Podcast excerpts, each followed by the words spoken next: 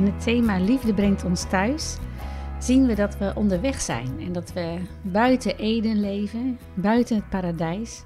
En we hebben te maken met aspecten van het leven die ons kunnen verlammen, zoals bezorgdheid en angst.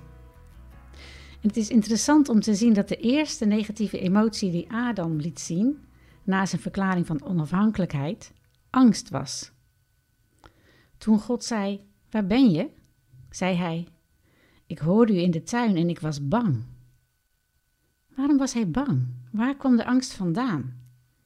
Hij had zich losgekoppeld van God, afgesneden van de bron van innerlijke zekerheid. En daardoor voelde hij zich niet in staat de situatie te hanteren. Het is een heel belangrijk basisprincipe. Onder angst ligt een besef dat je niet in staat bent om met problemen in het leven en in relaties om te gaan. Dat is de sleutel. Als het probleem van innerlijk tekortschieten is opgelost, valt angst weg als een dood blaadje van de boom. En als we ons tekort voelen schieten, weten we niet hoe we het leven aankunnen en, en trekken ons terug in angst of bezorgdheid of allebei. Maar als we leren om op God te leunen, nemen angst en bezorgdheid enorm af. In de wereld waarin we leven met alle stressfactoren, van onrecht en pijn, ervaren we regelmatig een gevoel van onvermogen om met problemen om te gaan. Maar weet je, er is een goddelijk vermogen, de kracht die God geeft en die komt door de Heilige Geest. Leven uit zijn goddelijk vermogen duwt angst naar de marge. De vroege christenen lieten zoveel vertrouwen zien als ze oog in oog kwamen met angst. En dat was geen bravoer, ze hadden een stille waardigheid en rust, net zoals Jezus. In het evangelie zegt Jezus, wees niet bang. En zij waren niet bang.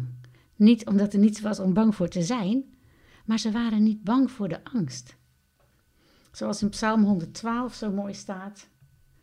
Gelukkig de mens met ontzag voor de Heer en met liefde voor zijn geboden.